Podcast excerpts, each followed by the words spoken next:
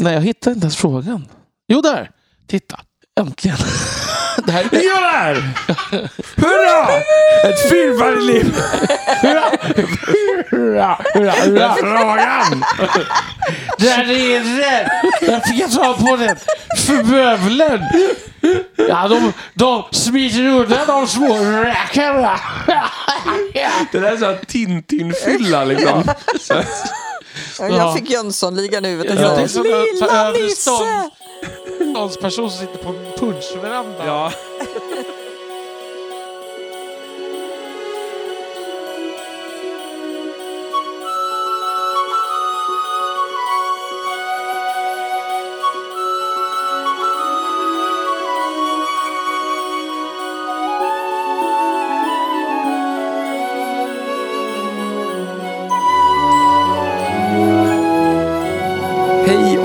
Välkomna till det 69 avsnittet av Tolkienpodden.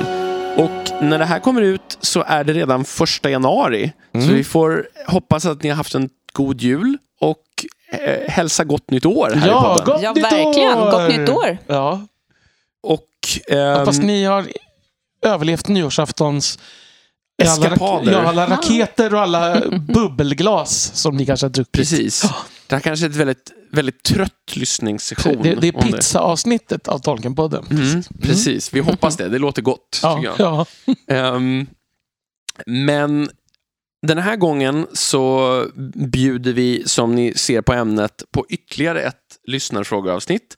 Vi har ju så väldigt många frågor som ligger på hög, så vi försöker beta av några av dem igen. ja. Ehm, några av dem som har legat länge och sen är ja, blandat lite mellan några som är äldre och några som är lite nyare för att försöka få en bra spridning. Ehm, men innan dess så ska vi presentera oss som vanligt. Eh, jag är alltså Adam. Elisabeth. Och Daniel.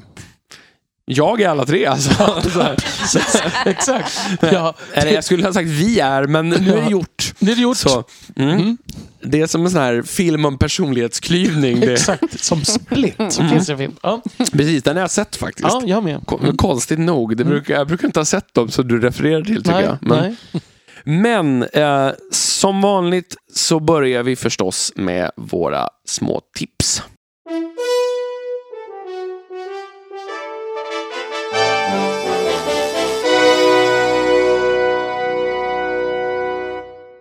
Ja, eh, jag brukar alltid försöka basera mina tips på vad jag har gjort mycket på sistone.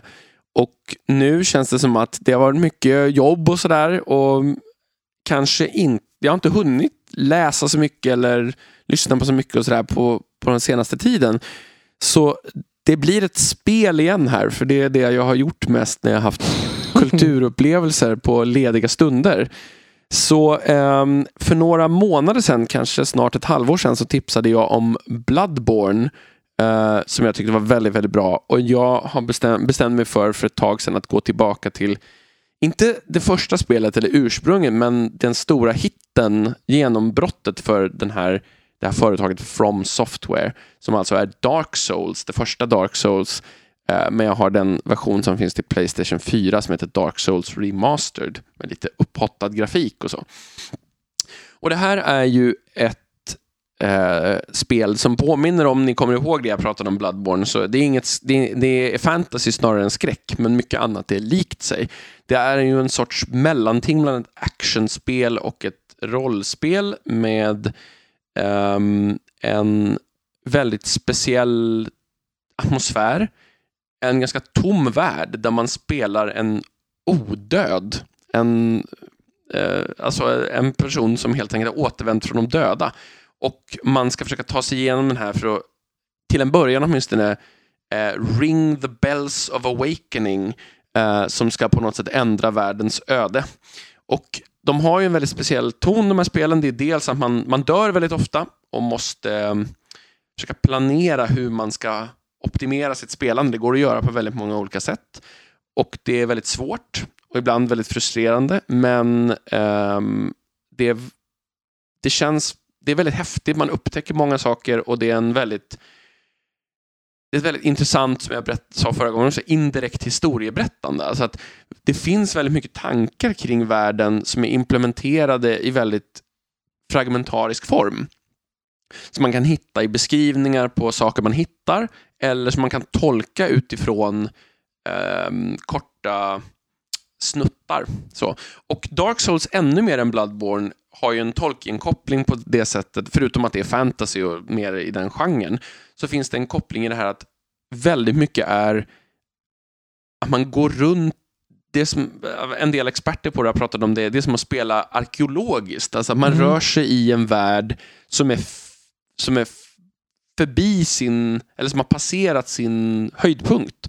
Och det är ofta ruinerna efter någonting som har Mm, funnits spännande. där innan. Eller Mm. så. så man, det är en relativt tom värld där man möter saker och kan tänka sig hur de var förut. Mm. Och så finns det liksom en mytologisk nivå.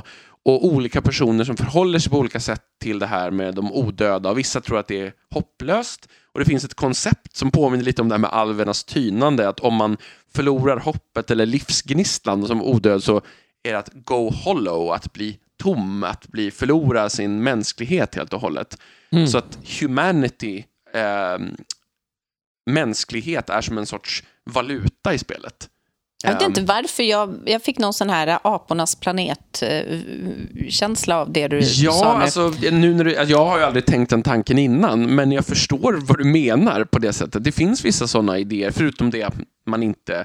Det kommer ju aldrig vara så att man upptäcker, ha det där är det där, liksom, som man kan Nej. göra i apornas planet. Men däremot så är det väldigt mycket det här att man går i spåren, eller inte, inte spåren, långt efter katastrofen på andra sidan och kan liksom vandra genom de kvarlevor av, som finns från en svunnen tid. Post, post, post, post, apokalyps. Ja, men lite så. Mm. Och, och sen så är det den här eh, lite roliga profetior och lite o, olika sätt att förhålla sig.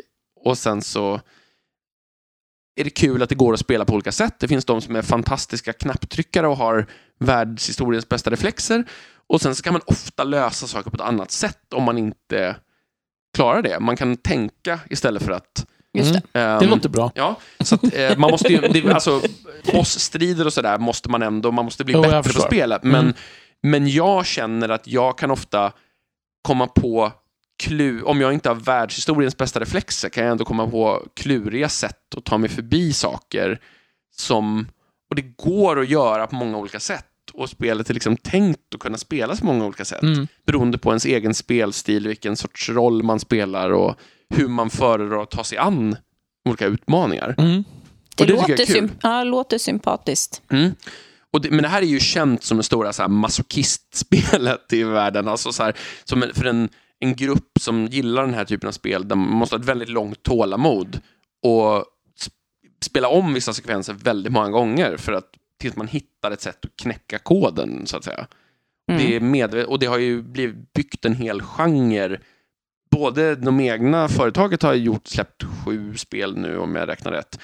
Och sen så en hel eh, imitatörgenre som kallas för Souls-like games, alltså spel som, som försöker rida på vågen av de här Mm. spelens succé, kan man säga. Och någon gång i framtiden så kanske jag även kommer att ta mig an och tipsa om Elden Ring, som ju var väldigt mycket eh, reklam för. Och mycket det här man pratade om att George R. Martin var med och skrev lite grann till det. Sådär. Just det. Så det kommer säkert i framtiden. Men jag skulle gissa att jag kanske är halvvägs genom Dark Souls nu, Mm. magkänslomässigt. Mm. Ehm, och det kan rekommenderas. Det är väldigt annorlunda upplevelse än Bloodborne, trots att spelen är väldigt lika.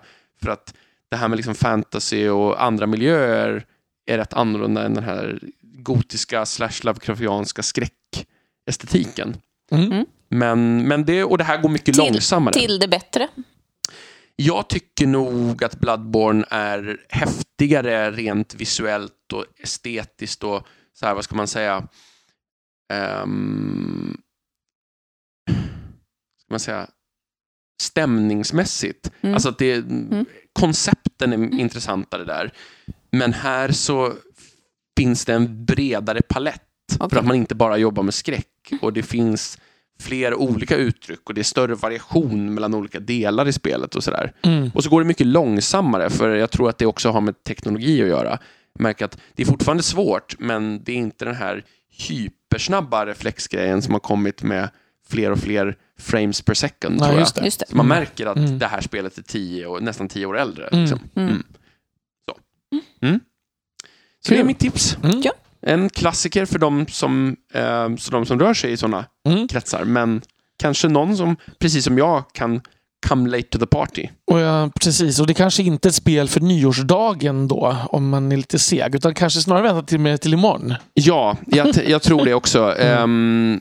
Det, och det är ju ett åtagande. Jag tror att det är nästan, om man inte är en spelfantom så är det nog svårt att ta sig igenom det här på mindre än 50 timmar på första, första genomspelningen. Så jag skulle nog gissa någonstans mellan 50 och 100 timmar beroende på hur bra man är på det och hur Mm, mycket man vill utforska. Mm. Så. Mm. Så, ja, två arbetsveckor. Mm. Ja, om man spelar dygnet runt. Så här, Ja, nej, ja. Mm. Eller, då, då kanske man klarar det på mindre tid. Ja. ehm, jag tillhör den här äh, typen av människor som är lite av en julfascist. Ehm, och med det, vad menar jag då med, med det? Jo, med det menar jag att för mig är det väldigt noga med liksom datum och tider och lite sådär. Så det betyder att när det är första advent, då tar jag fram adventsstjärnan och adventsljusstaken. Ehm, och jag tänder inte dem före klockan 18.00 på lördagen innan första advent för då är det helgmålsringning och då börjar den nya helgen. Gud vad underbar du är. Ja, eller hur? Älskar. Eh, och sen vill Lucia tar jag fram lite Lucia-pynt och sen till jul, några dagar, kanske kvällen innan eller möjligtvis två kvällar innan, då tar jag fram julgranen och tomten och sådär. Mm. Ehm, så här gjorde vi när jag var liten. det var bättre förr. Ja. Ja. Nej, fast det här har ju verkligen förskjutits eh, Mm. under den tid som jag har levat. Att det här var mer allmänt så förr, skulle jag vilja påstå. Det finns, Mm. fanns det de som tog fram granen tidigare, men liksom de flesta klädde granen typ där, strax innan julafton. Ehm, Vi har alltid klätt den när jag var liten, dagen innan tror jag. ja. Mm. Och vissa klär ju på julafton Men- då för. Ja, nu kommer den stora fascistfrågan då. Ja. Klarar du att vänta med att städa bort julen fram till 20 Knut? ja, absolut. Det är så? Ja, Ja. alltså jag, nej men eftersom man, vä- jag väntar med det, då vill jag ju, alltså skillnad om man liksom tar fram det första advent, då förstår jag att de här som säger att på annan dag, nu är det skönt när julen är slut, den har precis börjat. Mm. Vad är det för fel på er? Men de har hållit på sedan halloween. Ja, liksom. exakt. Mm. Så för mig börjar ju julen typ där strax innan julafton. Mm. Eh, Just det. och då... Eh, och då kan jag slappna av och tänka till jul. Så att absolut 20 Knut. Ibland så till och med lite längre, för man får ha kvar julpynt och sånt där lite längre om man, om man vill. Det finns lite olika regler. Men 20 Knut annars dansas ju julen ut. Ja. När Det- måste man ta ner stjärnan i fönstret? Ja, det har att göra lite med... Jag läste någonting, Edvard Blom skrev någonting om kyndelsmäss och sånt där. Ehm, jag vet, kan inte exakt vad det är, ska jag säga. ja. Det är jävla roligt. Men, eh, och grejen är att man får göra precis som man vill. Men grejen är att nu för tiden kan man typ inte få tag på julmust längre typ på annandagen om man vill ha det. För då har affärerna börjat sälja, de har sålt ut det och rensat ut det. Liksom. Ehm, Konstigt. så det här är lite konstigt. Eh, Men allt detta långa resonemang. Ja. Det här fick du se in i min störda hjärna. Eh, eh, Med det sagt så skulle jag alltså vilja påstå att det fortfarande är jul. eh, Trots att det är nyårsdagen. Men eh, det här som jag ska tipsa om, det kan faktiskt funka även om man inte tänker att det är jul. För jag ska tipsa om en julskiva som inte riktigt är en julskiva. Mhm. Eh, och det är en skiva med Sting som heter If on a Winter's Night. Från 2009. Och det är alltså mer av en vinterskiva än en julskiva. Vilket ju passar bra även på nyårsdagen. Men det finns en del julmusik på den ska jag säga. Ehm, och det är en salig blandning som ändå liksom blir sammanhållen rent musikaliskt. Så, den, så det är en del folkmusik, det är lite salmer, lite så medeltida hymner, Mhm. ett par egna sånger.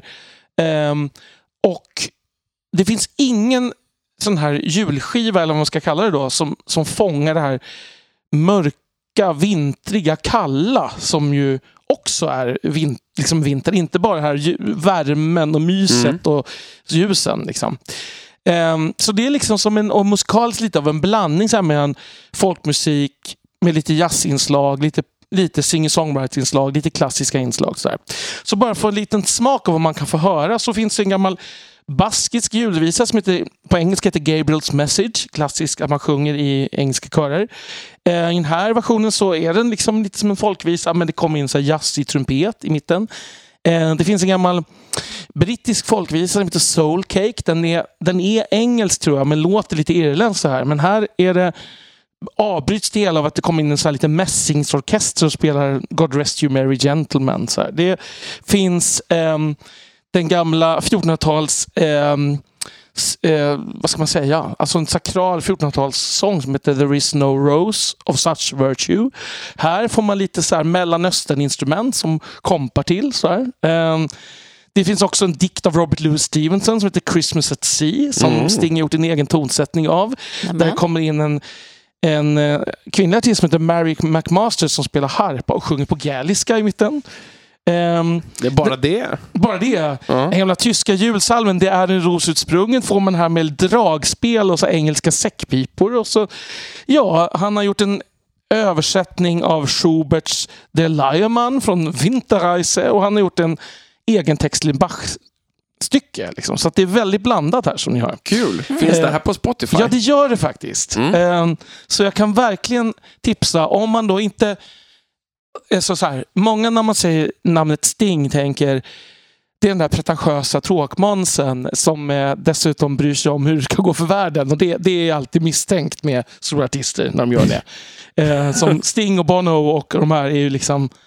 Folk kan få allergiska rysningar när de hör den typen av namn. Men om man inte tycker det om Sting så skulle jag absolut rekommendera om man inte redan har lyssnat på den. Den är vinterfrostigt härlig. Så där. Kan man Mm. sitta där i sin soffa. Eh, Och lyssna på, och lyssna Du sa nästan en föraktfullt. Soffa. nej, jag menar, jag menar det. Man kan sitta inne i värmen och tänka på Ja. kylan där ute. Så, menar och lyssna på en 1400-talsdänga. Abs- absolut. Eh, Det, det var ordet som användes då. Det här var en riktig dänga, sa de Ja. när den kom ut. Ja. Eh, Det roliga är att många av de här sångerna är ju för mig är ju dängor som jobbar i den här branschen med musik och sådär. Så mycket av det här är ju sånt som framförs fortfarande liksom, på olika Mm. sätt. Så. Det får man säga. Det är inte en one hit wonder. Nej, här. det kan man inte säga. Nej. Nej. Ja, var två bra tips. Mm. Eh, Också ganska olika. Ja, det får man säga. Vi skojade om att vi nog inte skulle ta samma och det, det var ju ganska långt från varandra. Verkligen. Så när man då har eh, spelat spel, man har lyssnat på musik och eh, nyårs... Sådär, Nyårsklockorna, se- Ja, ja. men lite så här, man, man, vill, man vill vakna lite, Mm. eh, apropå det där pretto-grejen då. Mm. Ehm, så jag tänkte, ja, men vad är man intresserad av eh, om man nu gillar tolken? Ja, väder, Caradras, Ja. tänkte jag. Ja. Du ska tipsa om SMHI-appen. Ja. Ja, Förra gången var näst- Instagram. Nu. Nästan, nästan. Eh, nej, men jag eh, har hamnat i SVTs Hårt väder. Oj, vad är det? Eh, Det är David Batra eh, som eh, besöker jordens kallaste, varmaste, stormigaste och mest blöta platser. Okej. Mm. Alltså är det ett tv-program eller? Det finns, ja, alltså det är en serie eh, som finns på SVT Play. Mm. Och eh, det är fem avsnitt som han eh, åker till några av jordens mest väderutsatta platser. Då. Just det. Och vad är Ehm, tonen liksom i... Death Valley, Sibirien, ehm, eh, ja, Uganda, Bangladesh. Eh, alltså det finns ju, det finns ju, vad ska man säga, det finns ju den här bilden kring klimathot, extremväder som, som tas upp. Eh, men samtidigt så är ju han den han är liksom. Också, Komiker, tänker du? Ja, fast inte så mycket komiker. Men, men eh, det finns ju en touch av det. Men jag tror att han ser sig nog lite som en journalist mer. Eh, Folkbildare Ja, kanske? men folkbildare kanske. Mm. Och det här är ju någonting som kommer att finnas på SVT Play i ett år i alla fall. Två år kanske det var, till och med. Ja, eh, 7 november 2024. Eh, Då har ni tid på er. så det, det är gott om tid. man behöver inte titta på det så här på, som nyårstradition. Man hinner se Ivanhoe och eh, sedan ge sig på det här. Ja, det får man Ja. säga. Eh, nej, men eh, jag tyckte det var intressant. Eh, och det är ju tyvärr någonting eh, som är lite aktuellt. Så att jag Mm. tänker, kan eh, de tvingas vända uppe på Caradras så, så kan vi stöta på det i verkligheten också. Jag får lite vibbar av de här gamla reseprogrammen med Michael Palin. Om ni har sett Mm. dem. Ja. Ja, länge sedan. Men, Ja. ja. mm. Men så mm, vi lyckades blanda ut det hela då med lite musik, lite spel, Lite lite, TV. TV. Ja. Allting sånt som man blir väldigt fysiskt aktiv när man gör. Det går ju att lyssna på din julskiva medan man är ute på promenad Ja, det kan man Det absolut kan göra. man. Jag skulle inte, kanske inte jogga eller gymma till den. Nej, Eh, för det är den för soft för. Liksom. det är inte pumping iron. Nej, liksom. men en skogspromenad i kylan, gärna med mycket snö, det tror jag skulle vara perfekt. Mm. Och sen kan man komma hem, kan man först titta på ett avsnitt av David Batra ute i världen. Vad hette, vad hette programmet? Sorry. Hårt väder. Så. Yes. Ja. Och sen när man eh, känner att... Ladda ner Dark Souls. Till. Exakt, precis. Mhm. Ja, kul tips. Jaha. Ja. Jag undrar om det är en och samma lyssnare som kommer ge sig på alla tre. faktiskt. Men Vi hoppas, det vore ju väldigt kul. det vore jättekul. Mm. Ja. Det, vi ger er det uppdrag för kommande året. Alltså jag skulle helt klart kunna göra alla tre av de här sakerna. Ja, jag vet. Du är en härligt nyanserad människa. Ja. Mångfacetterad. Ja, ja, jag står för det. Det, det är bara positivt. Precis, men jag är också julfascist. Ja, det är sant. Ja. Mm.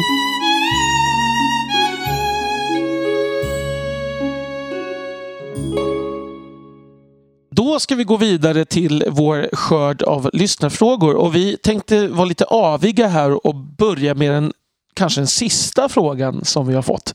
Eh, och det kan ju tyckas orättvist.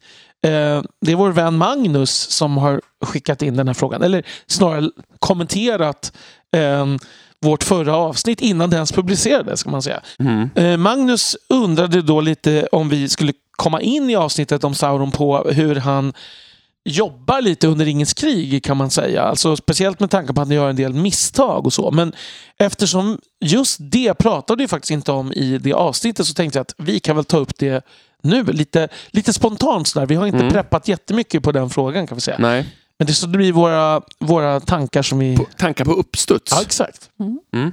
Ja, eh, min första tanke är ju att om man hårdrar det lite och ser liksom lite stort så tycker jag ju att Saurons stora misstag är ju att han ehm, inte kan föreställa sig att någon inte kommer att använda ringen emot honom. Mm. Eh, att någon kan vilja förstöra ringen. Och, och jag skulle påstå att alla andra misstag han gör, alltså som jag tänker just nu, härrör från det misstaget. Mm. I alla fall alla stora, viktiga. Ja, exakt. Mm. Ja, precis. Och då kan man väl säga att Gandalf lyckas analysera Sauron bättre än vad Sauron lyckas analysera sina Sauron. fiender. Nej, men inte bara sig själv utan även de. Saurons analys av sina fiender är svagare än Gandalfs analys av sina fiender. Och kanske att han, alltså för jag tycker att bottnar inte också lite i hybris och alltså att man tänker att så som jag tänker måste vara det enda rimliga Mm. Mm. eh, sättet att tänka. Men det där har ju, tycker jag, att göra med det här som vi pratade om. Att Sauron är ju inte en pluralist direkt. Ehm, att, och därmed så ser han nog bara att det, det finns väl bara ett synsätt egentligen. Jag tror inte det är så platt organisationsstruktur hos honom heller. Det är inte så Nej. att Baradur uppmuntrar till att säga emot. Elisabeth skulle rensats ut ganska fort i Baradur. När hon bara gjorde miner och var ironisk mot Sauron. Alltså, det, kan lätt, det är svårt att bli en platt organisationsstruktur om man bygger ett högt mörkt torn. Precis. Då, då signalerar man genast att man inte tänker jobba åt det Nej, hållet. precis. Mm. Ja, nej, Elisabeth hade inte blivit gammal där. Nej. Och tur är väl det. Ja, För vi vill inte att du ska jobba i Baradur. Nej, Ja, nej. Vi kommer att göra en intervention om du går på anställningsintervju i Baradur. det ska vi, det ska vi lova. Mm. Eh, nej, men om vi återgår till ämnet då. Eh, så vad kan man tänka, vad verkar vara Saurons liksom, strategi under Ringens krig? Det, det känns som att det är två saker han är ute efter. Han vill hitta ringen och han vill kriga med alla. Mm. Men jag tänker att Sauron är ganska trygg i eh, tanken att någon kommer att ta ringen och han tror nog inte att denne någon kommer att vara Gandalf till exempel. Nej. Därför att vi vet ju utifrån några av de här svaren som jag presenterade från breven förra gången att, ehm, att Sauron är rätt säker på att åtminstone alla dödliga kommer han att kunna liksom ta ringen ifrån i en konfrontation. Så han bara väntar på att någon ska försöka sig på den varianten och sen leda en armé mot Mordor. Och Mm. att Sauron ska kunna då få ringen att lyda sig själv snarare. Ehm, och sen så, så, och för att jag tänker att för att tvinga fram den situationen så sätter han militär press på västern. Mm. För att se till att till exempel Aragorn eller Denethor eller Boromir eller någon ska tänka att okej, nu har vi den här, vad- vi är desperata, här kommer den och då vet Sauron helt säkert vad den är och känner sig säker på att han kan ta tillbaks den. Men jag tycker ju att... att eh, jag tycker inte han är så himla bright alltså. Eh, just ur den aspekten att nej, men däremot Sauroman, som han rimligtvis med rätta inser skulle vilja ha den där ringen. Eh, och som faktiskt kanske skulle sitta på den makten att kunna behålla den. Där tror jag att Sauron är lite Alltså att han, att, försöker, jag menar att han försöker väga olika saker mot varandra. Att han tänker att Saruman kan vara ett nyttigt verktyg och det gäller att bara se till att han inte får växa sig för stark innan han får tag i ringen. Mm. Så man märker ju att Sauron försöker motarbeta Saruman. Sauron verkar ju fatta att Saruman skulle kunna ha sådana planer med tanke på att när skolorna kommer dit och hotar honom och liksom frågar, liksom, plockar upp Grima och sådär, som vi får reda på i Unfinished Tales. Så det känns ju ändå som att han har någon typ av plan för att motarbeta Sarumans ringerövring. Fast hade då han redan haft ringen så hade ju Nazgul inte haft en suck. Nej, precis. Men han, försöker ju försöka, han tänker ju att Saruman inte har ringen än, för då skulle han redan ha klivit fram med den. Och han försöker ju se till att den inte ska hamna i Isengård. Eller att Saruman inte ska våga sig på det som även för honom nog skulle vara en riskfylld konfrontation. Jag tror att han tänker att Saruman är nöjd med att vara nummer två under honom. Som sagt, han är ju inte jättebright. Nej, men det, där, det är ju inte helt säkert. För Sarumans argument till Gandalf är ju inte vi ska besegra Sauron i första hand, utan det är we must join with him. Eh, så att jag tycker inte det är helt entydigt att Saruman skulle ha tagit ringen själv. Precis, det börjar, det börjar där. Vi måste gå ihop med honom. Det andra sen är, men om vi inte ska göra det, då Ja. kanske vi tar det här själva. Precis, han har det ju som Ja. en öppning Ja, för det. Men ja, Men eh, den öppningen är ju å andra sidan en bluff. Alltså inte kanske 100 procent, men, men, men bluffen är ju ändå att vi... Alltså ja, det går där- inte att göra vi. det är Nej, ju, ja. precis. Mm. Man kan ju fråga sig lite, men jag misstänker att, att, de att han lierar sig med Saruman är det inte liksom lika mycket för att ha kontroll över Saruman? Alltså skulle han inte göra det, Då blir det en till fiende. ja exakt, som man, som man dessutom då skulle behöva bevaka på andra sätt. Alltså han kommer ju närmare honom på det sättet. Tänker jag. Ja, tänker... Håll, håll dina vänner nära, Ja. håll dina fiender Exakt, ja, närmare. precis. Och Mm. han såg ju split i västern eftersom Saruman länge liksom är högt, högt upp i deras rådslag och är betrodd. Liksom. Mm. Mm. Så, så att man kan först- jag kan förstå det där, men samtidigt så blir det att, att bara säga att han skulle ha tackat nej till alla möjligheter till ett samarbete skulle ju bara ha lett till att han skulle ha en mäktig fiende. Men det är ju ett högt spel. Verkligen. Eh, och det känns ju fortfarande inte som att det är ett högt spel där han verkligen har tänkt igenom, gjort en konsekvensanalys. Eh, Nej, Han har skrivit nej. en riskanalys som är skolvärlden och Mm, ja, precis. mm, arkiverat den. Nej. Ja, det är ju att han, han, han liksom jobbar på flera sätt. Där, för att dels, framförallt så är han ju på jakt för att, att liksom få tag på ringen. Det är ju Mm. liksom hans första mål. Mm. Ehm, Och där jobbar han ju både, alltså även, där jobbar han ju på massor med sätt. Han skickar ut den här skolorna, han släpper ju Gollum fri. Eh, Mm. Troligen för att han ska kunna skuggas också. Han har ju massa spioner överallt som ska leta.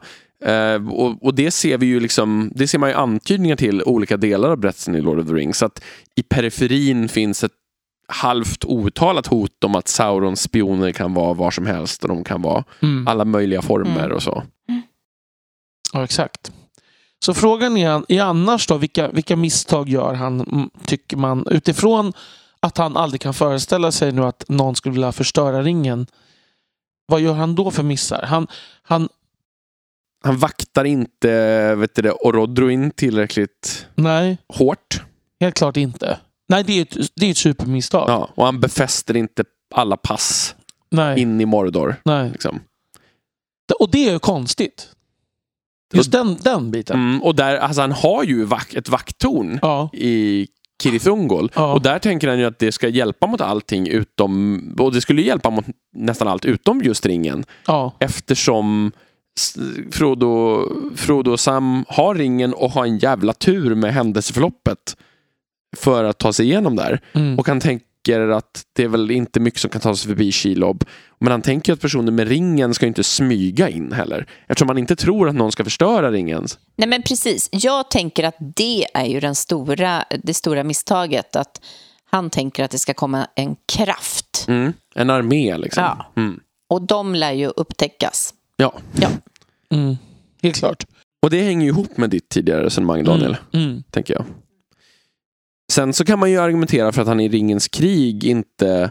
Alltså att han anfaller ju ett gäng olika ställen parallellt. Mm. Eventuellt skulle man ju kunna tänka sig att han skulle ha liksom slagit än hårdare mot färre punkter. Men eh, å andra sidan så är de ju redan i ett jättestort numerärt överläge i eh, vet du det, slaget för Pelennor. Till och med med förstärkningarna inräknade. Mm. Det är bara att slaget vänder och att det överraskningsmomentet mm, kommer in och sådär. Sen har han ju dessutom en, en extra armé eh, östringar som är positionerade just för att blockera Rohirrim som bara blir rundgångna tack vare Gamborigan och hemliga vägar som Sauron inte känner till. Så han har ju verkligen försökt även strategiskt militärt att liksom förbereda sig på andra möjliga utvecklingslinjer, Mm. tänker jag. Och, och att han anfaller till exempel eh, Dal och Lorien och, Mm. och det där. Är det för att försäkra sig om att de verkligen inte ska komma till undsättning? Ja, det tror jag. Ja. Att det, det går inte, även om de skulle ändra sig i sista sekunden Mm. och marschera därifrån. För i flera av de här fallen så slår, ju, slår man ju tillbaka angriparna. Så Sauron kan, måste ju ändå ha tänkt att det fanns en risk att man inte skulle vinna de angreppen. Det handlar mer om att hålla dem upptagna. Ja. Ja, men, och jag tänker också, eh, apropå liksom den hjälpen som de får att ta sig förbi det här, eh, att han, en av hans stora misstag är ju just precis som, som eh, när de ska ta sig över med ringen och sådär, att han eh, värderar inte de som är för lågt ner på, på rankingen Nej. Eh, Så han tycker att de här ga, liksom vild... För han lär ju känna till dem, Ja. tänker jag. Men han värderar dem inte. Han tycker inte att de har... Nej, en- han tänker inte att de ska Nej. ha någon, fak- vara någon Nej. faktor Nej. överhuvudtaget. eh, och det är väl den, den stora, lite. Mm. Och, och, Samma med hobbitarna på ett sätt. ja, jo, men precis. Mm. Exakt så. Och, och det tänker jag att det är nog ett väldigt medvetet drag för, liksom, ur författarperspektiv. Mm. Det är nog ingen slump. Nej, och det är en in- ganska intressant... Vi, om, vi har pratat tidigare om Tolkiens kolonialism och sådär. Mm. Det här är ju nästan ett antikolonialt förhållningssätt då. Liksom. Mm. Att man, man höjer sitt eget folk till skyar på något sätt och ser inte vad, vad andra skulle kunna bidra Nej, med. precis. Nej. Kvaliteten. Nej, exakt. Mm. Mm. Ja, det tänker jag är ändå, ändå liksom kärnan. Sen kan man ju fundera på så här. När Saurons mun kommer med Mm. eh, krav utanför svarta portarna. Mm. När man skickar dit Frodos utrustning. Där har jag alltid tänkt att det är lite, för det är tydligt att Saurons mun och därmed Sauron inte har full koll på hela situationen. Ehm, men han försöker ju bluffa som om han ha, förstår mer än vad han gör av Just vad det. Frodos uppdrag var. Just det. Mm. F- för Saurons mun uttrycker sig på ett sånt sätt som att vi, vi har, vet allting nu och spelet är över så att säga. Eh, men uppenbarligen vet de ju inte egentligen vad det handlar om eftersom ringen inte är upptäckt. Eh, och, och där så, där, det tycker jag är intressant för det blir en av de mer så modernt politiska bitarna i Lord of the Rings där de börjar prata om demilitariserade zoner liksom, för, Mm. och, och tillbakadraganden och sådär. Det känns lite kalla kriget faktiskt. Ja, det gör det verkligen. Mm. Um, apropå att vi pratade om att Tolkien inte ville kännas vid det. Men det här är liksom att allt land öster om dimmiga bergen och sådär. Och Ja, verkligen. Ja, så Mm. Det håller jag med om. de skulle besätta Orthanc är väl också. Och så. Men där undrar man ju, är det här bara ett sätt att eh, dra ut på tiden? Eller tror han att det finns en chans att de kommer gå med på det här? Och varför drar han i vill- så ja, fall, nej. Ja. varför skulle han i så fall vilja stål dem? Ja, Jag tror att det är en... eh, Jag tror att det, finns, jag tror att det är arrogansen som skiner igenom här. Mm. Eller försöker han bara medvetet provocera fram en konfrontation så ringen ska plockas fram? Mm. Det skulle kunna vara det också. Man gör dem... Arrogan, ah, säga, arrogans och hybris. Nej, men om man tänker att man ska göra till exempel Aragorn så upprörd Mm. så att han känner nu... Så att han hugger ha- huvudet av Sau- eh, Saurons mun. Ja, precis. Tack, tack, Peter, tack Peter Jackson. Ja. Eh, men, vet du, det, nej, men jag tänker man ska, ska göra Aragorn eller någon annan ledare så upprörd så att de i affekt sätter på sig Mm. ringen och tänker nu är det liksom go time. Eller Mm. så är det ett ärligt förslag. Ja. ja, du menar att man ska tolka det som att det är de här krigshetsande västerns arméer Ja, som visst. inte Ja, kan tänka sig att kompromissa med Sauron. Precis. Mm. Alltså, om man, om man tänker utifrån Adar och tv-serien och så, Mm. så skulle man ju kunna läsa det så. Och jag Mm. tror ju i en del av de här eh, ryska omtolkningarna så har man ju läst det så också. Just det. Eh, där man har skrivit om eh, boken från andra sidan. Då ser man det som liksom alvisk propaganda. Och, Mm. och då skulle det här kunna framstå som en sån här, ett balanserat förslag. så Mm. att säga. Och man, även om man inte tänker så, så kanske Sauron någonstans tänker att, att allt kommer bli bra om han får styra. Mm. Ja, det, man undrar ju om Sauron ser sig själv som ond. Alltså han kallar sig ju mörkrets furste och hela det där liksom. Och eh, mörka tornet och alltihopa.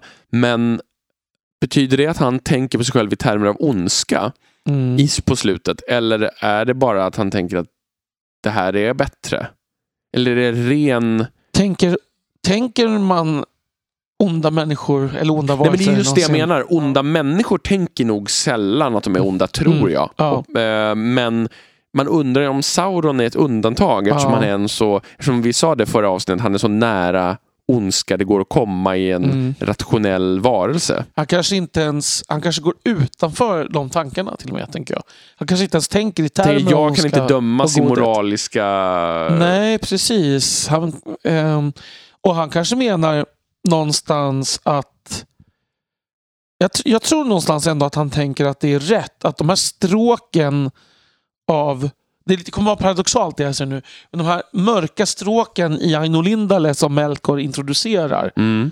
är tecken på individualism. Liksom. Mm. Ehm, Rebelliskhet. Ja, precis. Och att, och, att, och att individen har rätt liksom, att göra som den själv vill. Mm. In, eh, men paradoxalt nog så skapar man- det genom ett envåldshärskande. Liksom.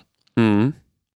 Men det är där någonstans jag tänker, det, är nästan, det känns nästan som att det tangerar så modern satanism här nu. Ja, jag tänkte faktiskt också Ja. på black metal-rörelsen när Ja. du sa det där.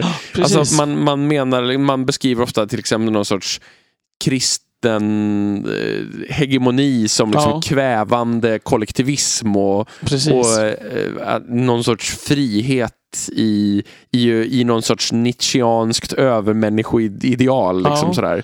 Vilket är ett väldigt lustigt filosofipaket för att säga för att, för att inte säga direkt underligt.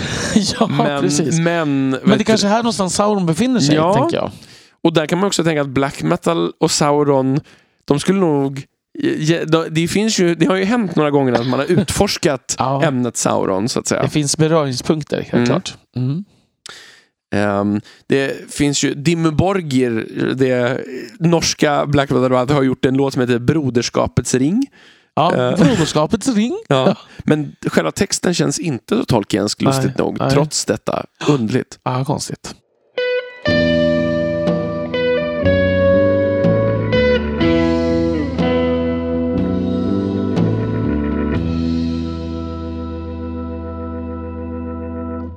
Då ska vi gå in på några fler frågor och här är en fråga från Kristoffer som har skickat in ganska många frågor.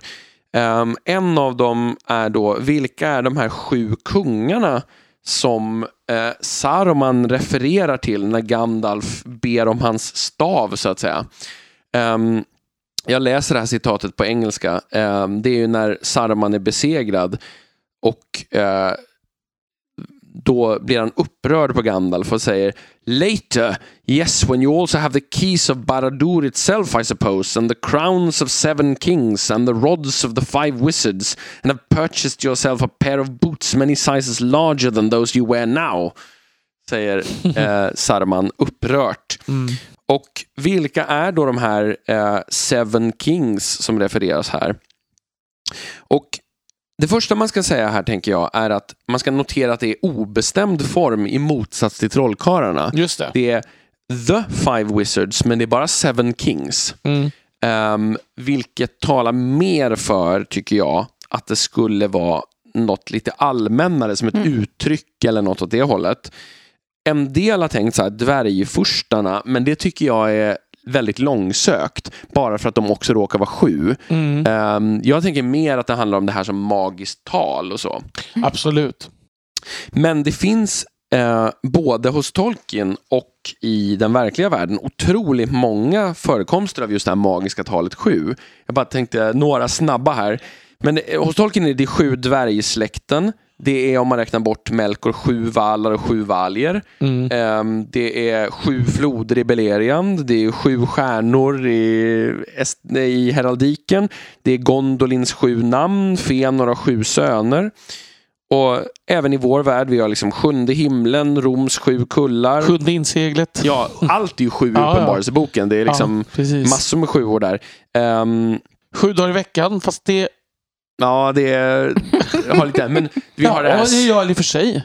Mm. Det finns ju inget som är att en vecka är en... Nej, nej, det är Nej. sant. Ja. Men det är väl Mm. att det är delbart på något sätt. Så här. Men, Ja, det tror jag Men- inte. nej. Det egentligen. men, men vänta, det här finns en kulturell anledning. Det här, undrar om Mm. inte det kommer från...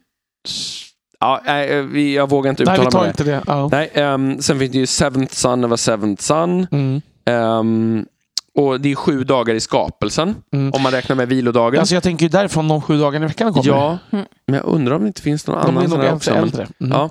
Och ehm, det är ju sju underverk i den klassiska världen. Mm. Så att jag menar, det är ju oerhört vanligt. Så jag tänker ju att han bara har spånat på Det är random. siffran sju. Ja. Mm. Och att det inte är tänkt att vara några särskilda sju kungar. Nej. Visst är det väl dessutom så att om vi nu backar ett steg, de här fem trollkarlarna är väl inte här etablerade utan det är väl här det dyker upp. Ja, för han har ju tre etablerade redan vid det här laget eftersom Ja, Radagast är exakt. nämnd Mm. också. Jag, tänker, jag tänker att eh, förstärkningen med sju kungar är ju också bara att han vill verkligen understryka att när du ändå håller på och önskar. Liksom. Mm. Ja, exakt. Och för det är Hur ju, förmätet det här Ja. är. Mm. ja. Bara en, liksom en sidofråga. Är det här med dvärgarnas sju släkten, har det att göra med de sju dvärgarna i Snövitsagan tror vi? Det har vi pratat om någon gång tror jag. Ja. Och jag tror ja, i någon mån. Ja, Även om man aldrig skulle ha erkänt det själv. nej. Fast jag tänker kanske inte, för det är väl sju redan tidigare än Disney. Ja, ja, ja absolut. Så, så att Mm. det, jag menar det är, det är Nej, inte men jag tror ändå att han skulle ha hävdat, apropå det här med att Ja. Nibelungen ring också var Ja, rund och sådär, att han skulle inte ha gått med på att det är därför, men det bara råkar vara så. Så Ja. Dorins kommer egentligen typ från butter. Jag ska tro det. Snarare det blyger i alla fall. Det tror jag. Ja, eller Ja. glader kanske de är. Glad, kanske. Ja, kanske. Ja. Man, man undrar hur det lät. Det, det, det är några av de här dvärg... Alltså, det var Nogrod och kompani, det var Prosit. Det rasade ihop där. Det var det som förorsakade Exakt. Ered Loins kollaps i Belerians omformande. Alla nös samtidigt en gång. Och så sköts hela bergskedjan lite åt väster. Precis. Och det var då liksom världen föll. Det bara råkade vara samtidigt som Morgoth besegrades. Alla bara tillskrev det till Morgoths besegrande. Han frös och han. Ja. Mm. Ja, så måste det vara. Självklart. Självklart. Här tar vi Tolkien på allvar i den här podden. Mm, verkligen. Mm.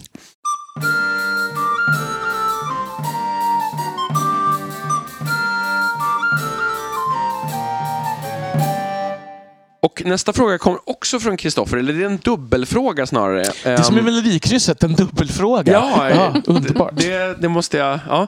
Då, jag. Jag kan inte Melodikrysset, så jag kan inte. Jag har inte lyssnat på det sen jag lyssnade med mormor någon gång för Jag länge sedan tror jag. Men ehm, för bara för att understryka hur otroligt ung jag är. Ja. Ehm, nej, men ehm, frågan går ut på de här trapporna som Frodo, Sam och Gollum tar sig upp för vid Kirith Ungol. Vem högg dem egentligen? Och så är det lite resonemang att det är vem som det är rimligt som har gjort det eller så. Ehm, och sen är den frågan ihopkopplad med varifrån kom Shilob och när? Ehm, Mm. och man kan väl börja med att säga att vi vet inte helt säkert kring de här Kirith Ungolls trappor. Eh, det kan ha varit eh, Saurons tjänare och det kan också ha varit Gondor efter sista alliansen i samband med att de byggde tornet i Kirith Ungol-passet. Eh, för det tornet föll till skuggan troligen runt 2000 i tredje åldern, kanske lite tidigare, för det är när Minas Ithil faller.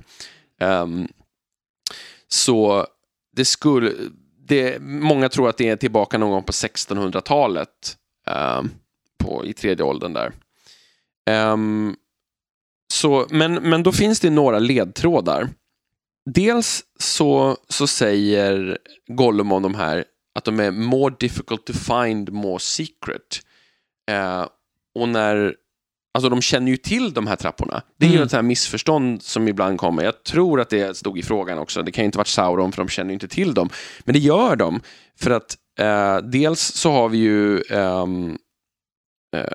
att Frodo frågar om trapporna inte är bevakade. Och Gollum säger jo, jo, kanske. Det finns inga säkra platser i det här Nej, landet. precis. Men eh, någonstans måste man ju ta sig in. Och Gollum tror ju åtminstone att han har rymt själv. Alltså att han, och det kommer som en senare fråga här i avsnittet faktiskt, men Gollum tror att han har tagit sig ut på egen hand. Men vi vet ju också att Shagrat och Gorbags trupper möter varandra och, nå, och ena gruppen kommer ju nerifrån, eh, nerifrån eh, Minas, eh, Morgul och andra uppifrån tornet. Och då Shagrat säger när han får frågan när han beordrades ut så säger han About an hour ago just before you saw us a message came Nazgul uneasy spies feared on stairs double vigilance patrol uh, to head of stairs I came at once. Det att- faktiskt som ett telegram. Ja, förut. det är ju ett telegram. Ja. Och, men det intressanta är att de har ju uppenbarligen um, stenkoll på att trapporna finns och att de pratar om trapporna utan att specificera. Mm. Så att det är uppenbart att de bevakar Jag behöver de här inte trapporna. berätta att det finns Nej, nej, trappor, precis. utan det är, Mm. det är de har, ju, de har ju full koll Ja. på dem. Eh, och vi vet ju också att trapporna leder ju egentligen bara till tunnlarna som leder in till Kilobs håla dessutom. Och det behöver man också väga in lite grann i trappornas design. Men då undrar ju jag lite, de som då var, kom från Minas Morgul, Mm. hur tog de sig över? De tar sig upp i huvudpasset. Ah, Okej, Det, finns, Så ju- de alltså, det här är ju en sidoväg kan man säga. precis. Mm. Ja. Men här får man väl tänka, det kanske du kommer till, hönan eller ägget, eller spindeln eller ägget, Mm. kanske vi ska säga.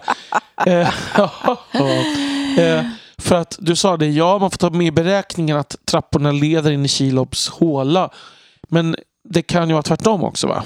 Att hon bor där för att de här trapporna ledde in i den här hålan. Fast det är rätt osannolikt för att eh, troligen, alltså det, det står, Tolkien skriver att hon redan hade sin håla där i bergen när Sauron tog kontroll över Mordor första gången. Mm, ja, Och det det är runt år sedan. 1000 i andra, andra åldern och det Ja. är långt innan någon rimligt byggande Mm. av de här trapporna borde ha kunnat ske. Men det är alltså inte helt rimligt. Ja, det är de som en fälla då. Så Sauron har byggt de här trapporna Ja, som en fälla. eller att han tänker att det är den snabbaste vägen genom berget och han tål att förlora lite orker. Ja. Alltså för det är ju så de resonerar med att de skickar patrullerna därigenom. Mm. Visst, hon får ta några då om vi har gott om orker. ja, just det. Ehm, För, för någonstans landar man ju i att det enda rimliga är ju att det är den sidan som har gjort trapporna. ja, Ehm, alltså att det, det är möjligen då så skulle det vara det att ehm, det, står på ett annat ställe att Shelob i början mest åt alver och människor men sen tvingades gå över till orker särskilt efter att Minas Ithil föll. L- Laktosfri kost. Ja, men ungefär så. Ja. Och det skulle man kunna tolka som en ledtråd till att numonranerna skulle ha byggt trappan, att det först var mer Ja, tillgång på, Ja, på människor och alver. Ehm, Mm. Men det är svårt att säga. Eh, om vi ska gå in lite bara kort på, på Shilobs historia kring det så är det ju att hon är ju född i Nandungortheb som en skog i Beleriand i urtiden. Och hon är ju en av avkommorna till Ongoliant, den här superjättespindelvarelsen. Och hon flydde undan Belerians undergång när, fjär, när första åldern tar slut. Och sen vet man inte hur hon kom till den här bergskedjan Efeldoath egentligen Mm. därifrån. Men som sagt, vi vet att hon redan hade slagit sig ner där när Sauron slog sig ner i Mordor första gången. Just. Ehm, och man vet att hon, hennes avkomma också spri, spreds därifrån ända från mörkveden i väster till kullarna i öster. Så att hon fick ju uppenbarligen en massa barn på samma sätt som Ungoliant fick och de spred sig ut till andra platser ganska Mm. långt bort. Så att jag vet inte om det är lite bakgrundshistoria kring, kring eh, Shelob, men det är, ja, det, det där, jag tycker det är mest det där med att det först, att de först mest åt alver och människor som skulle peka mest på att trapporna ledde Mm. upp dit innan redan. Men Mm. varför skulle de ha byggt trappor som leder till den här tunneln? Om det inte var så att de tänkte, åh en tunnel. Och sen Mm. hade de byggt trapporna och sen så dök hon fram. Men det är konstigt att det inte skulle ha upptäckts Det innan. låter som en konstig byråkratisk miss, tycker jag. Ja, jag tänker också det. Ja, Det känns onumeranskt. ja. Jag, jag tänker ju ändå att man, det skulle kunna vara, eh, alltså att om vi tänker lite Tolkiens, men det behöver inte vara rimligt för det, men man kan tänka att det är rest, resterna ändå av någon ännu äldre kultur som har liksom Kanske. Jag tänker också att det skulle kunna vara Sauron från början och sen så blev det så att hon mest fick gå och äta alver och människor under tiden när, När när Gondoranerna Mm. har tagit Ja, tillbaka precis. passet och Ja, sen är så när Sauron tar tillbaka Minas Ithil Mm. så, så drivs ju Gondor västerut. Mm. Inte tar tillbaka. Eller? Nej, eh, förlåt. Tar, tar, tar tillbaka passet och tar Ja. över Minas Ithil och liksom Mm. flyttar sina Mm. positioner fram. Men det är tar tillbaka Mordor Just det. snarare. Mm. Mm. På ett sätt så jag gillar ju den här, återigen det här att det, det faktiskt inte är förklarat. Att det finns ett Mm. mysterium inbyggt. Och här skriver ju Tolkien kanske var det så här som man Ja. ofta gör. Ja, Vilket jag tycker är en kul form också. ja verkligen. Mm. Ja, men vad, vad landar vi då? Jag, jag tänker att det kanske är då Sauron och kompani som har byggt trapporna och de känner definitivt till dem. Men det har varit en period av Mm. gondoransk kontroll Ja, däremellan. precis. Det, det, det känns sannolikt att de byggdes innan Ja. period ett. Mm. När Hallbrand... Nej, eller hur? Ja. Nej, ja, precis.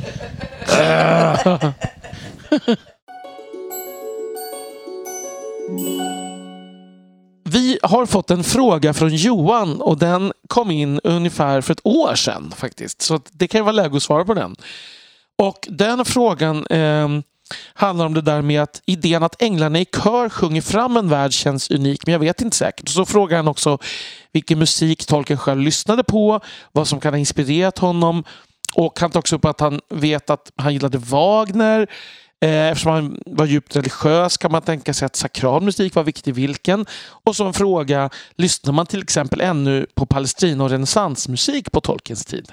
Och det är ganska många olika små frågor som har fått mig att börja rota lite här med Tolkiens musiksmak. Det var ett helt säga. frågebatteri där. Ja, men verkligen. Ehm, Du är rätt person att svara på det, tror jag Ja, dessutom. jag ska försöka göra mitt bästa. Jag har försökt leta här och jag kan redan nu säga att om någon hit, vet mer så får ni jättegärna höra av er.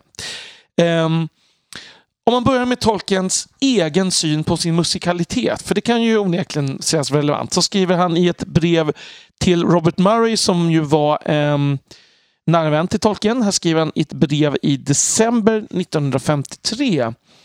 Ehm, Du säger att det är Bergons översättning här som du det läser ska vi säga. Det är Mm. Bergons översättning. Och så skriver han, den som kan spela ett stränginstrument är i mina ögon en trollkarl värd djup aktning. Jag älskar musik men har ingen fallenhet för den. Och ansträngningarna som gjordes att lära mig fiol i ungdomen efterlämnade endast en känsla av vördnad inför fiolspelare. Säger han. Eh, och i ett eh, brev till Carrie Blyton eh, augusti 1964. Eh, Carrie Blyton har alltså skrivit till tolken och frågat om man kan få göra en eh, komponera någonting inspirerat av The Hobbit. Då svarar tolken att eh, bland annat Jag är musikaliskt fåkunnig. Fast jag kommer från en musikalisk familj gjorde bristen på utbildning och möjligheter för en föräldralös att den musik jag bar på undertrycktes tills jag gifte mig med en musiker eller övergick i språklig form. Musik ger mig stor njutning och stundom inspiration. Men jag förblir i omvänt samma sits som en som gärna läser eller lyssnar till poesi men vet föga om dess teknik eller tradition eller om språkets uppbyggnad. Så Tolkien bevisligen såg ju inte på sig själv som musikalisk, eller framförallt musikaliskt oskolad, skulle man väl säga. Mm. Ehm, och eh, Det som är intressant här är att han själv ju tar upp att han gifte sig med en musiker. Så Edith spelade ju piano. Mm. Och sen skulle jag vilja fundera lite över det här, om han var så musikalisk som han sa. För att dels har han ju faktiskt sjungit in lite eh, av de här alltså, dikterna han skrev till Lord of the Rings. Har Mm. sjungit. Och det är ju också så att den här uh, Namarie som eh, är, ingår i den här sångcykeln The Road Goes Ever On. Eh, som ju är komponerad av Donald Swan, den här sångcykeln. Eh, men just den sången sägs ju då vara att, det, det att Tolkien nynnade den för honom. Mm. Eh, mer eller mindre komponerad alltså. Och den har ju verkligen eh, touchen av en så här, gregoriansk, alltså enstämmig medeltida hymn kan man ju säga, gregoriansk sång. Kan man tänka det här att det omusikaliska är lite hans modest understatement kanske? Ja, och det Ändå. Även kan om man kanske säga. inte var superbra Nej, inte på det. supermusikalisk, men, men det är också lite skönt att han inte bara slår sig själv på trumman. Ja, här. jag, jag, jag tänker att det är inte så utmärkande för honom annars. Eller? Nej, Nej, även om nej. det beskrivs att folk sjunger och spelar väldigt mycket eftersom nästan alla dikter på, egentligen är sånger i texterna. Mm, Så att musik förekommer ju i texten väldigt, väldigt mycket. mm. Jo, jo, men lite så här modest är väl inte riktigt... Nej, men jag tror att han var nog rädd för att trampa i klaveret. Nej, förlåt. Inga fler sådana dåliga pappaskämt. Han var nog rädd också för att utge sig för att kunna en sak som han inte kunde. Det tror jag faktiskt. Ja, Um, särskilt när det fanns människor runt omkring honom som kunde det bättre. just det. Skulle jag ändå tro. Mm, mm. För det är också så att han, han skriver ju det när han får frågan om Alltså när han ska, när han ska tala om liksom, i appendix vad han ska skriva om så får han ju liksom frågor om sådär, att musiker vill ha noter och sådär. Och han, han Mm. tar ju upp det att han har svårt att beskriva i sitt verk liksom, när folk ska musicera med någon Mm. större Mm. Mm. trovärdighet. Så här, Mm. till exempel. Ehm, jag tänkte bara liksom, lite om Tolkiens musiksmak då, om vi ska gå vidare till det. Mm. Eh, det, vi, det kanske inte kommer förvåna någon. Vi vet nästan lite mer om vad han inte gillar än Ja. vad han gillar. Eh, Förvånande. Mm. så i ett brev till Christopher, och det verkar ju som att det är ofta Christopher som får hans innersta tankar. Så. Mm. Eh, Det här är då 31 juli 1944. Då skriver han eh, om att han förfasar sig över eh, massproduktion av idéer och känslor och att riktig musik kommer att ersättas av jive. Eh, jive är ju en dans från 40-talet. Eh, Tolkien tror att jive är att ha en jam session runt ett piano där man slår på det så att det går sönder. Underbart. Ja.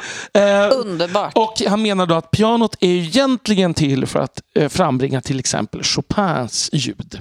Vilket då säger någonting om att han sannolikt gillar Chopin. Fick man väl liksom lite underförstått där. Mm. Ett annat brev till Christopher, eh, typ ett halvår senare, så skriver han om att han läser om alla detaljer i Christophers liv när Christopher skriver tillbaka till honom, till honom om allt han utsätts för. Till exempel jive och boogie-woogie.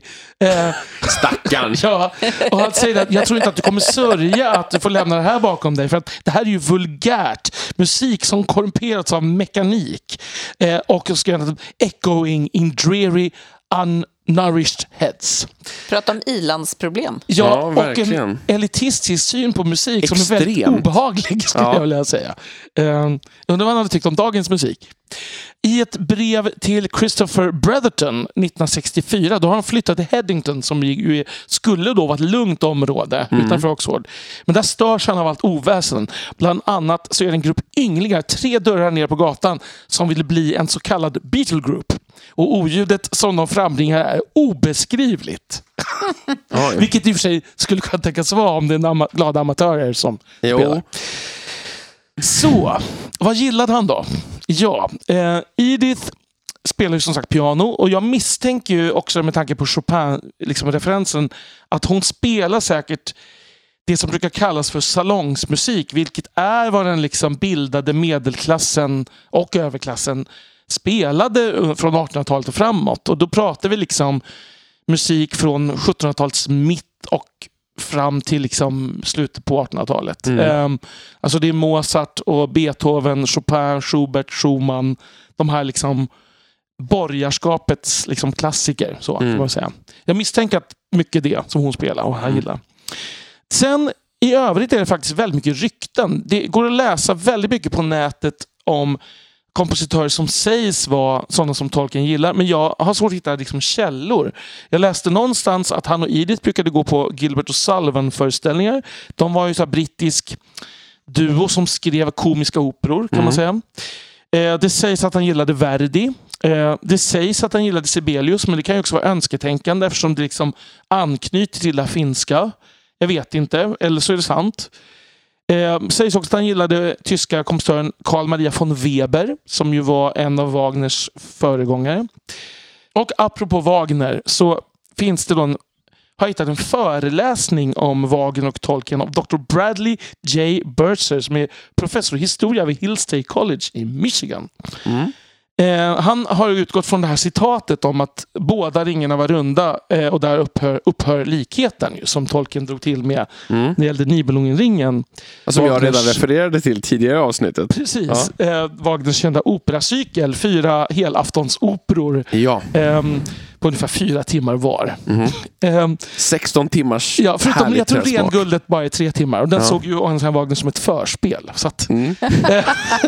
eh, och det här, det här är för, förstås bara, det är inte sant att det är den enda likheten. Men, det, men den här föreläsaren tar ju upp också att det finns så mycket olikheter i hur man hanterat källmaterialet. Så att han kan förstå att Tolkien vill fjärma sig ifrån det. Liksom. Mm. Men enligt honom så, så sades det i alla fall att Lewis, C.S. Lewis, som var en stor fa- fan av Wagner och Mm. Nibelungenringen, att han och Tolkien brukade gå och se den här ringen årligen. Priscilla Tolkien, hans dotter alltså, har, har minst en gång när Tolkien och Lewis skulle gå och se den här eh, i London någonstans tror jag. Och de var de enda som hade glömt att sätta på sig aftonklädseln. Så de var inte tillräckligt fint klädda. liksom. Men det är svårt. Tolkien själv har liksom aldrig, jag hittar inget citat om där han säger rakt ut vad han tycker om Wagner. faktiskt. Men vänta lite. De var inte, så de fick inte komma in? Jo, de var nog där. Men det blev pinsamt. Ja, Ja, det ja, pinsamt. ja. Ja. det är, och det är ju Okej. nästan värre i England. att det blir Just det. pinsamt. Tänkte inte på det. Ja, nej, precis. För övrigt så läste jag det här också att Tolkien hade jeans och t-shirt på sig. Självklart. Och Lewis han kom i badbyxor. Ja. Speedos. Och foppatofflor. Ja, speedos och fop- foppatofflor. Ja. Nej, men jag läste förut en kritiker som hade avfärdat Tolkien som en blandning av Wagner och Nalle Puh. Och jag måste säga att det är ganska träffande. Det är jättebra. Ja, precis. Ja, Jag tycker det är, det är en ganska stark kombo. det måste man säga. Men vi har fortfarande inte kommit fram till Aino Lindale. Nej. Jag kommer, min hjärna bara spånar på ordskämt på Nasse. Mellan Wagner och Nalle Puh just Ja, nu. det, det går ju Men- jättebra. Precis. Inte kommer komma på ett. Ehm, och Aino Lindale är ju då alltså öppningsscenen i Silmarillion där världen skapas genom Ainors musik. Där Eru, alltså Gud, fader, eh, som ger liksom i uppdrag eh, till de här änglaväsendena, Ainur, att skapa världen. Och han ger dem alltså musikaliska teman som de sjunger för honom. Och så småningom börjar de liksom lyssna in sig och sjunga tillsammans och låta de här temana flätas ihop. Och sen så kallade han ihop de här Ainur och så gav han dem ett mäktigt tema som, de liksom, som i och med det så skapas sen då världen. Och då ska de tillsammans göra stor musik i harmoni av de här, det här temat. Och sen liknar han deras röster som harpor och lutor och pipor och trumpeter och stråkar och orglar faktiskt. Eh, och allt det här blandar sig då till sen då Melkor börjar fläta in sina mörka stråk i de här temana. Och det var. Beatles då alltså? Och det var Beatles. Nej, här han är skränande, tidigt. skränande trumpeter jämförande med Ja. faktiskt. Jag har ju tidigare liknat det vid så renässansmusik. Jag tror det är därför det liksom dök upp i frågan. Det finns ingenting här som säger att det måste vara så. Och jag tror ju att tolken tänker sån här musiken på någon mer metafysisk plan. Ja. Liksom, det verkar konstigt annars. Men anledningen till att jag har tagit upp renässansmusik just som exempel på hur det skulle kunna vara är ju att körmusiken under renässansen upphöjdes liksom vad ska man säga, det såg som den största kompositionskonsten. Och den gick ut på just att man hade ett musikaliskt tema som man sen introducerade i många olika stämmor och sjöngs liksom inte samtidigt som mycket av annan körmusik. Man sjunger exakt samma text samtidigt. Liksom. Mm.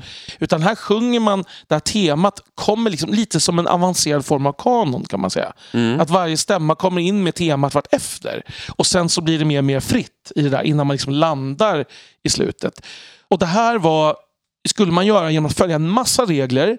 Man bröt mot dem så blev det liksom disharmoni i den här väven som man Mm. skapade av teman. Och den stora då, vad ska man säga, vad ska man säga kulmen på den här musiktraditionen är ju då eh, Giovanni Pierluigi da Palestrina. Eh, där Palestina egentligen är en plats då, vilket, men han kallas ändå för Palestina. Som ju var, som man får, kan ju fortfarande gå och lära sig att skriva ehm, skriva liksom polyfon musik i Palestina-stil för att det liksom är så Mm. fint. Liksom. Och med fint i dubbel bemärkelse kanske ska säga. Så att jag tror ju att det här är någonting som Tolkien känner till. Det finns också ett väldigt känt 40-stämmigt verk av den brittiske kompositören Thomas Tallis som heter Spem in alium som är i den här stilen också, och, men innehåller 40 stämmor. Det normala är någonstans här 5, 4, 5, 6, 7 kanske. Men det var det du visade oss efter Exakt, förra ja. avsnittet. Det var väldigt häftigt. Och, och där blir det ju verkligen en enorm väv av alltså 40 stämmor som pågår samtidigt. Ja. Liksom. Ehm, och det, jag kan ju, alltså det här är nästan så att jag föreställer mig att det är det här tolken hade i huvudet Mm. när han skrev om det här. Det tyckte jag också när du visade att eh, det var... Det, det kändes plausibelt, tycker Mm, jag, för mm. Aino Liddare. Men vi kan ju inte veta. Det, och sen var ju frågan, liksom, kände, vad, vad hördes för musik i kyrkorna den här tiden? Ja, det, alltså, det hade jag säkert kunnat forska väldigt, väldigt mycket mer på. Mm. Katolska kyrkan i början på 1900-talet i England, vad, Mm. vad hördes? Det jag vet är att Palestina, som många andra kompositörer, var bortglömd väldigt länge. Förutom i kompositörskretsar. Sådär. Eh, Men under 1800-talet så blev det som en revival, alltså det blev det generellt. Johann Sebastian Bach återupptäcktes av Mendelssohn i början på 1800-talet till exempel. Mm. Ehm, och likadant med Palestina då, som ju är en 1500-tals tonsättare. Så att jag misstänker att han var ganska aktuell i slutet på 1800-talet och, och fanns ju i folks medvetande i alla fall. Tänker Mm. jag. Det här var väldigt, väldigt långt, men det var också väldigt många olika frågor. Ja, men det var spännande. Ehm, Folkbildning, Daniel. Ja, precis. Verkligen.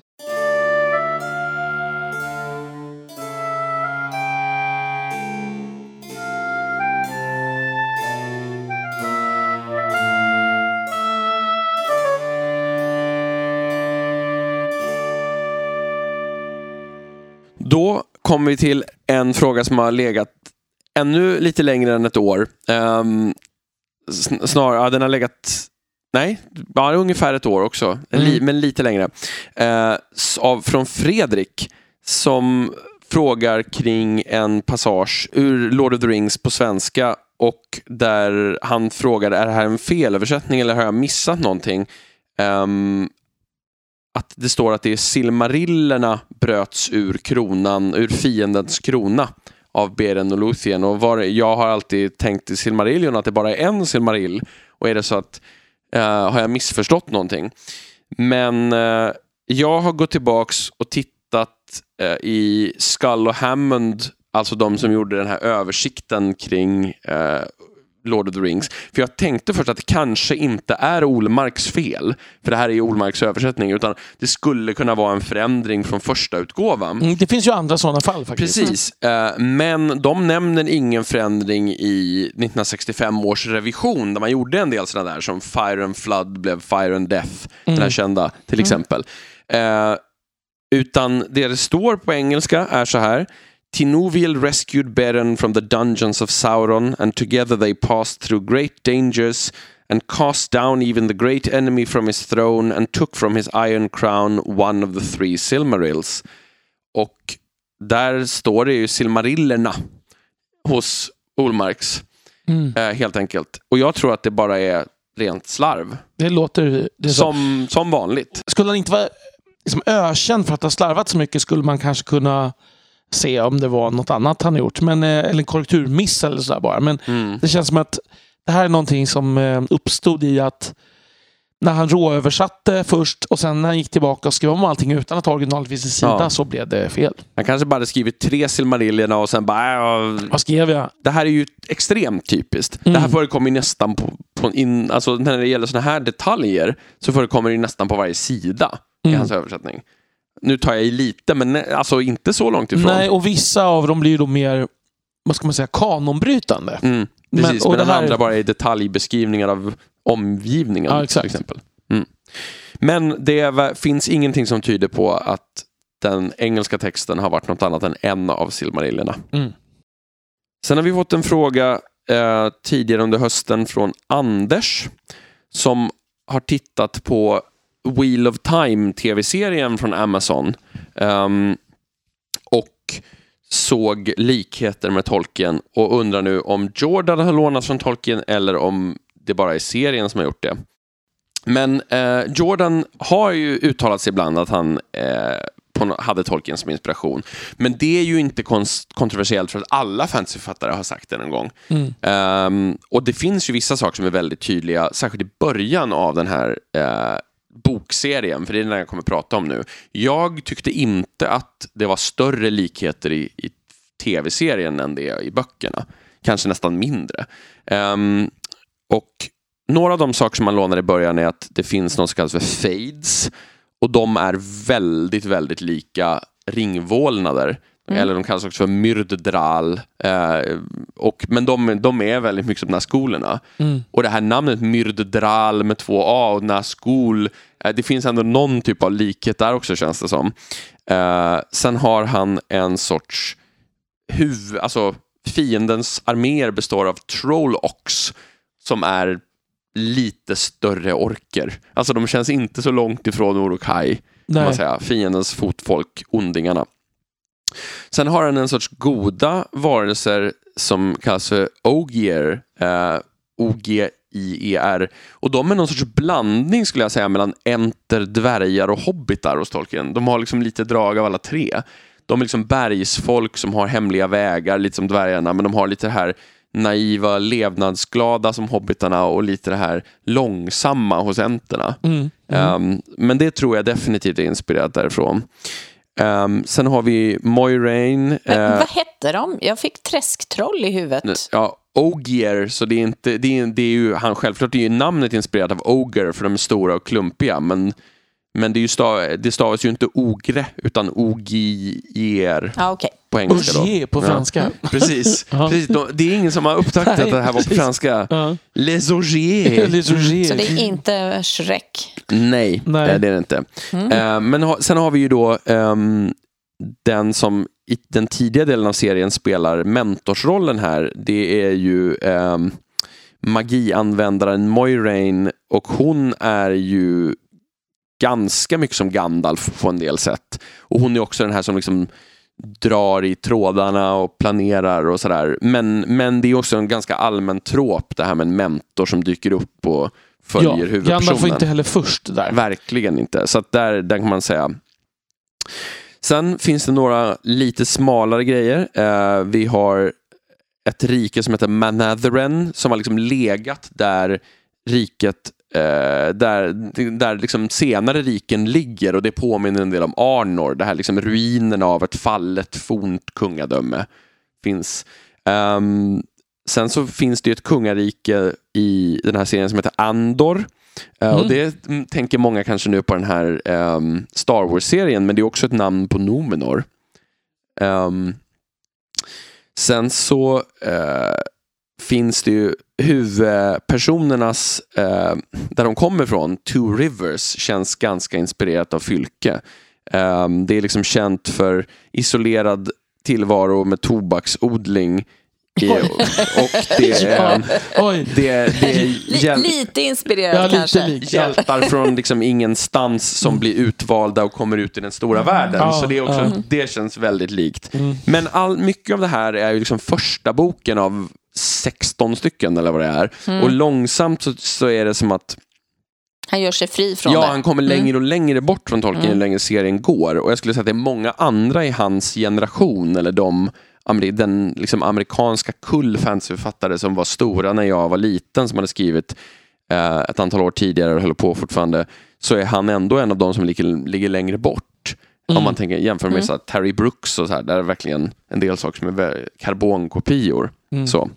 Eh, och en stor skillnad mot Tolkien är att det finns, framförallt när serien går vidare så vänder han sig mycket, mycket mer till liksom, eh, österländsk inspiration på olika sätt. Alltså i asiatisk historia och eh, kanske framförallt så här, buddhistiska och hinduiska tankar om cykliska utvecklingar och den där typen av saker. Så det är en, en sak som skiljer sig ganska mycket. Så ja, det finns definitivt inspiration men jag skulle säga att den är starkast i början och den är inte på något sätt kvävande.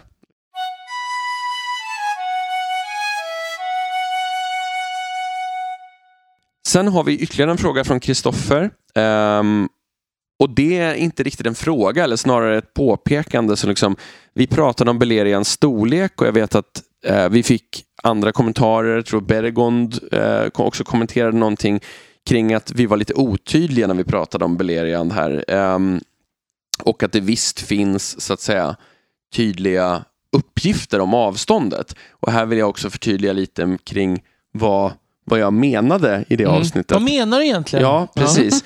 eh, man kan väl säga så här, att när man ska försöka passa in Beleriand med Midgård och titta på hur stort det är, så finns det ehm, nu publicerat i eh, The History of Middle Earth den andra Silmarillion-kartan som Tolkien gjorde på 30-talet. Och på den så finns det ett rutnät där varje rutsida är 50 miles. Och det är väldigt tydligt.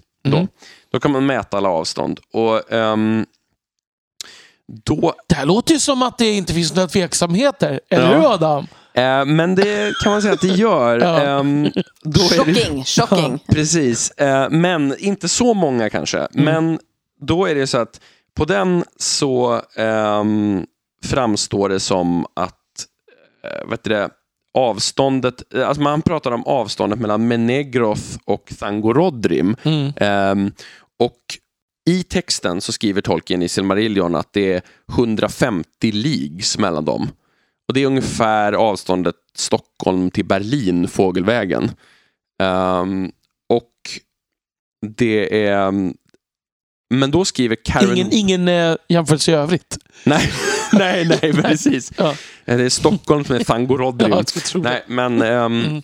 om man frågar göteborgarna kanske. Jaha. Men Karen Wynne Fonstad som har gjort den här eh, kända atlasen om Midgård. Hon skriver att det är oklart om det här menas med fågelvägen eller inte. Eh, alltså när Tolkien skriver det. Och då menar hon om det är vägen till fots eh, så är ju Angban mycket närmre. Eh, men, när, men Tolkien brukar inte ange avstånd på det sättet, skriver hon. Nej, nej. Och det är lite oklart. Men på andra Silmarillion-kartan så ligger Thangorodrim på en plats som på den publicerade Silmarillion-kartan är tom. Hänger ni med? Så. Thangor, Thangor, på andra Silmarillion-kartan ligger Thangorodrim. Eh, ser man Thangorodrim eh, i övre delen av kartan och publicerade Silmarillion-kartan är inte Thangorodrim med. Och om man skulle spåra sig till samma plats där man hittar den på den här andra Silmarillion-kartan så är den platsen tom. Okej. Mm. Bara för att det ska vara logiskt och smidigt. Ja, eh, och det som verkar ha hänt är att Christopher Tolkien har fått kalla fötter när han skulle ge ut, eh, när han skulle ge ut Silmarillion. För att ehm, för på andra Silmarillion-kartan så är det mindre än hälften så långt mellan Menegroth och Thangorodrim fågelvägen som det anges i det där citatet. Det är mer avstånd än kanske Stockholm-Blekinge. Mm. Så. Eh, och självklart, ja, jag har suttit på Google Maps och mätt avstånd för att Ja, hitta bra jämförelser. Såklart. Ehm, Ja. ja. Det, Eh, det, hade varit, ja, det gör mig ändå lugnare på något sätt. För att det hade varit värre om du hade kunnat avståndet Ja. liksom, i det, huvudet. det roligaste hade varit om Tolkien hade skrivit That is roughly the equivalent as measuring between Blekinge and Stockholm. Precis, exakt. Eh, men då kan man också påtala att Thangorodrim verkar i berättelsen ligga ehm, utanför järnbergen, alltså själva bergskedjan. Och järnbergen syns inte ens på andra Silmarillion-kartan. Eh, men det verkar vara så att det är andra ehm, lägre berg runt omkring.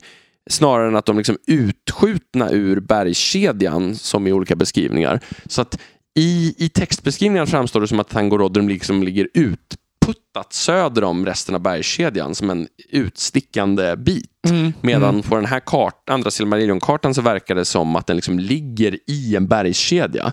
Och det, verkar, inte- det stämmer inte in så bra där. Sen i en annan av History Middle Earth-böckerna, The Lost Road, så skriver Christopher Tolkien att eh, liksom, de flesta avstånd hänger väl ihop med uppgifter i texten i Quenta Silmarillion. Ehm, men det är två påståenden som inte stämmer alls. Dorthonions längd och västra Belerians bredd. Okej. Så. Ja. Och Christopher Tolkien ser det här snarare som misstag som senare justerades och därför har han valt att inte gå på det så att säga. ja, just det. Ehm, så kartan eh, som, vi, som jag refererar till nu, den här, om man vill titta själv, finns i History of Middle Earth 5 och 11. Ehm, den är publicerad två gånger och man kan också hitta den om man söker på Tolkien Gateway på The Second Silmar, Silmarillion Map. Eh, så. Mm. Så, men det, det det handlar om är alltså, ja det finns ett rutnät men det finns vissa saker, framför allt då av, avståndet till Thangorodrim som inte stämmer med den publicerade Silmarillion-kartan och då är hur nära är fienden? Det är den stora skillnaden. Mm. Och det var det jag lite oklart refererade till i något avsnitt för jättelänge Mm. sedan. Mm. När, det här, när de här kom in som svar. Just det. Ja. Nu har vi fått klart och tydligt och ändå blivit mer förvirrade än vad vi var innan. Ja, man får, vä- man får väl välja själv. Tänker man att det ska vara Stockholm-Blekinge eller Stockholm-Berlin? Och så går vi till dagens sista fråga då. Den kommer också från Kristoffer. Kristoffer har fått många frågor besvarade den här gången, men det var, ett, det var väldigt, väldigt många som låg. Grattis Kristoffer! Ja, Ja. precis. Det är På ditt tiden. avsnitt Ja. idag. Ja. Ehm, och den här handlar om Gollums flykt från mörkveden. Ni vet när han är fånge hos skogsalverna. När Legolas kommer och ursäktar sig på Elrons rådslag. Um, och då frågar Kristoffer om känner, alltså, känner Gollum till det här? Är det här en plan? Varför i så fall? Eller är det bara tur? Det kommer ju en orkattack eh, som ger Gollum möjlighet att fly. Och först så kan vi säga att Gollum känner definitivt till den här attacken som alltså sker i juni 3018. Ehm, I förväg alltså? Ja, han känner definitivt på något sätt till Mm. den i förväg. Han klättrar ju upp i ett träd som han brukar få vara i, som ni kommer ihåg, Mm. och vägrar komma ner när han brukar komma ner. vill inte. Precis så. Och alverna vill inte klättra upp efter honom utan de tänker att de ska vänta. Så Legolas är då i texten säker på att han måste få, ha fått någon sorts besked att han ska bli räddad av någon av Saurons Mm. spioner. Just det. Och, och då är frågan, varför då? I så fall. Mm. Vad skulle vara syftet med det här? Och ehm, om man tänker... för där Mm. tänker jag ju spontant att vi pratade om det här tidigare. Mm, Att Sauron har ju liksom släppt lös Gollum för att leda dem till ringen. precis. Och om han sitter tillfångatagen i mörkveden så är det väldigt svårt för honom att hitta fylke och så. Verkligen. Mm. Jag tänker också det att syftet är huvudsakligen att leda till ringen, kanske också att ställa till problem Ja, för att han ska kunna ta hämnd på tjuvarna och på något sätt skapa, eh, skapa någonting som visar var ringen finns. Alltså att han börjar mörda folk och så börjar det bli någon typ av, kan de Mm. plocka upp det? mm. Det här är ju mer att man tänker lite så här analysen från Gollums sida är ju inte så genomtänkt. Var, varför vill de släppa mig fri? Jag har just smitit från deras... Alltså, jag brukar käka dem i... Ja. Ja. Men där undrar jag om inte Gollum tänker, antingen så tänker han bara att eh, vad som helst för att komma därifrån, eller så tänker han att ja, det här är kanske någon baktanke, men jag har chansen att slinka undan om jag väl får chansen. Jag kommer Mm. aldrig komma undan deras bevakning utan hjälp. Så tror jag, precis. Han är ju bra på att slinka undan. Ja, Dubbelspel. Och någon gång efter det här, eh, troligen i augusti, så slinker Gollum in i Moria för att undslippa alla förföljare. Eh, men han klarar inte av att öppna Dorins dörrar och kan därför inte ta sig ut på västsidan av Moria. Ehm, och där förlorar Sauron sin tracker för att Gollum försvinner så att säga från radarn Mm. med modern Ja, eh, modern terminologi här. Men jag tänker ju att Saurons syfte är att få kunna spåra eh, Gollum och att han tänker att Gollum ska kunna leda hans agenter till ringen. Men att, och att Gollum tänker ja, jag kan slinka undan och lyckas ju också med det. Mm. Det här är som en sån här klassisk i en spionthriller, actionfilm, något, har man ju satt en spårsändare på en bil. Man släpper fri, Mm. och så- men sen sätter man den här sändaren på så följer man efter i hemlighet. Och sen liksom. visar det att Gollum har lagt den i en sko som han har Exakt. kastat ut genom fönstret precis. på en lastbil som kör i en annan precis. riktning. Ja, i Moria. Ja. Ja, precis. Eh, Ham, ja, men det- hamnade vi i Mission Impossible nu? Ja, något åt det hållet. Ja. Mm. ja, men, men det är ju ändå lite den grejen i så fall. Ja, men det är så jag tolkar det händelseförloppet i alla fall. Och hur har han fått veta det här? Det tycker jag är mer intressant. Ja, ehm, det enda man kan föreställa sig är väl att på något sätt har någon av Saurons eh, spioner lyckats kontakta honom. Mm. Och det rimligaste är väl kanske när han har varit uppe i det här trädet. ja, Vi vet ju att precis. Sauron har liksom alla möjliga... Ja, ehm, fågel, fisk och mittemellan. ja, precis. Så det kanske är något sånt. Eller så är det foul words on the wind. Exakt. Ja. Så. Jag undrar... Ja, det vore mycket intressantare om det vore så att det fanns en falsk alv där som liksom Mm. har... Ja, Sannolikt är inte det Nej, lösningen. Ja, det är verkligen helt osannolikt. Mm. Ja, men ändå, det vore roligare. Han heter Adar. Ja, Mm. precis. Exakt. Ja, Precis. så måste det vara. Den enda alven med goth-stil i mörkveden. Ja, Mm. så oväntat. Jag tänker annars att det är Tauriel kanske som har lackat ur för att hon aldrig... Så hon hämnas på Legolas. Så det är alla dessa kanoniska personer här som, som får komma med i spekulationerna. Precis. Ja, alltså, vi vet ju inte... Eller vi vet ju inte om det, att det absolut inte var Tauriel i alla fall. Ja, för att parafrasera serieskaparna Ja, exakt. Mm, Mm. Mm. Precis. Jag parafraserar väl många, känner jag. Ja, Men, ja. ja, det är sant. Men de har haft en del sådana de uttalanden på sistone. Mm. Vi vet inte att Galadriel inte var på Numenor. Nej, exakt.